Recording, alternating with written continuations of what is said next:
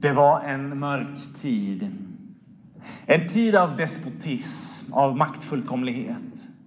En tid då folk ställdes mot folk och då den egna etniciteten och de egna privilegierna rättfärdigade våld och förtryck.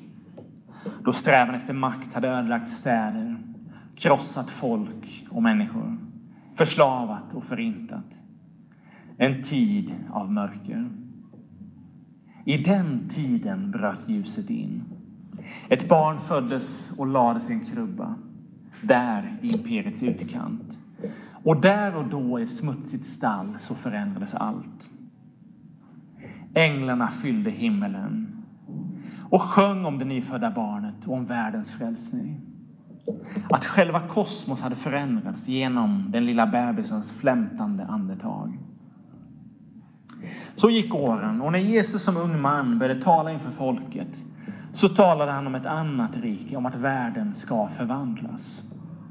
I Lukas evangeliets fjärde kapitel står det så här. Han kom till Nasaret där han hade växt upp och på sabbaten gick han till synagogan som han brukade. Han reste sig för att läsa. Och man gav honom profeten Jesajas bok. När han öppnade den fann han det ställe där det stod skrivet. Herrens ande är över mig. Ty han har smort mig till att framföra ett glädjebudskap till de fattiga. Han har sänt mig att förkunna befrielse för de fångna och syn för de blinda, att ge de förtryckta frihet och förkunna ett nådens år från Herren. Han rullade ihop boken och gav den tillbaka till tjänaren och satte sig. Alla i synagogan hade sina blickar riktade mot honom. Då började han tala till dem och sa, idag har detta skriftställe gått i uppfyllelse inför er som hör mig. Här talar Jesus om den värld som Gud vill och han kombinerar det med sin egen person. Idag har detta skriftställe gått i uppfyllelse inför er som hör mig. Det är så kaxigt. Och kyrkan har i alla tider levt med medvetenheten om just denna kombination. Att kämpa för att uppfylla de ord som Jesaja skrev för ungefär 2700 år sedan. Och samtidigt vila i honom som tog orden på sig och gjorde till sina. En del av arbetet vi finns med här i Ecuador är projektet Alas de Libertad, Vingar av frihet. Det handlar om förebyggande arbete mot våld i nära relationer och stöd i processen när kvinnor äntligen vågar anmäla de män som misshandlar och slår. Ett arbete som imponerar på lokalpolitiker och folk runt omkring. Och ganska ofta hör vi, tyvärr, men vad ovanligt att kyrkan jobbar med sådana här frågor. Vi hörde om en kvinna som hade bestämt sig för att ta sig ur sin situation genom att ta sitt liv. Men den dagen då hon planerade för att göra detta så besökte projektet Alas de Libertad den fabrik där hon jobbar.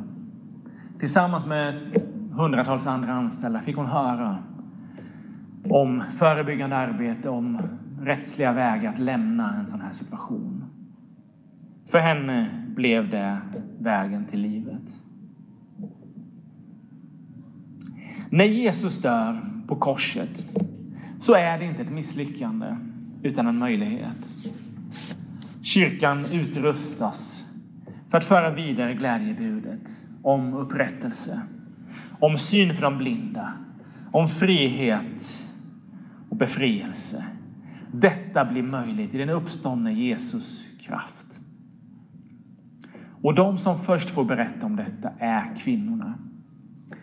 De som inte åtnjöt, åtnjöt en stark position i ett av män dominerat samhälle. De ser den tomma graven och går ut för att berätta. Och trots 2000 år av att bygga en struktur dominerad av män så kvarstår detta faktum. Kvinnorna var de första som delade budskapet. De som sågs som svagare, som mindre viktiga. Vem ska bära budskapet? Jag är missionär. Och det har alltid funnits skeptiska blickar mot någon som är anställd för att predika en ideologi. Det kan begränsa trovärdigheten. Häromdagen gick jag hem med mina barn från en lokal kyrkas taekwondo-grupp. Ett arbete i en lokal församling som vi var med och startade för cirka fem år sedan. Där sporten, där taekwondo kombineras med bön och andakter. Och på väg därifrån hörde jag två av flickorna i gruppen prata med varandra om Gud. Den ena flickan, stukad av familjeproblem, uttryckte besvikelse mot kyrkan och mot Gud. Och den andra flickan började tala om Gud med en kärlek som överrumplade. Det fanns något rent genuint i hennes predikan. Vill jag bära ditt budskap? Vill jag ställa mitt liv till tjänst? Där du finns, i ett förtroligt samtal eller i en kallelse som ställer allt på ända, allt det trygga och invanda.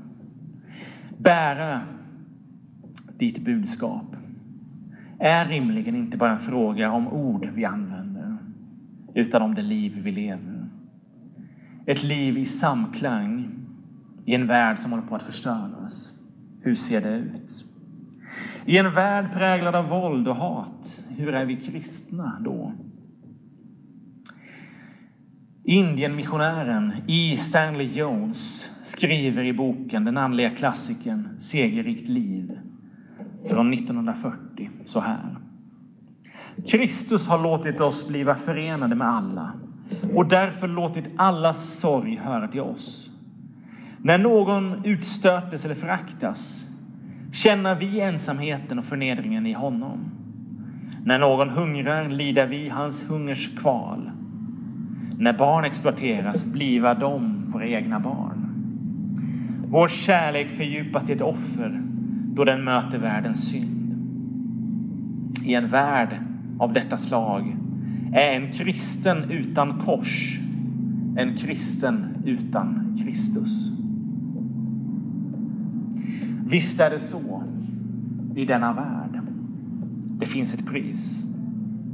Men allt är ju inte bara negativt och tungt och jobbigt. Det mesta som sker är kärlek människor emellan. Omsorg, viljan att hjälpa till och stödja. Den skönhet som gestaltas när en person stannar till för att fråga hur någon mår. För att hjälpa till att bära något åt någon som inte orkar. Skönheten i att krama om någon vi inte har sett på länge. Eller att säga till dem som finns kring oss att vi älskar dem. Trots allt så är hoppet större och störst av allt är kärleken. Gud välsigne dig.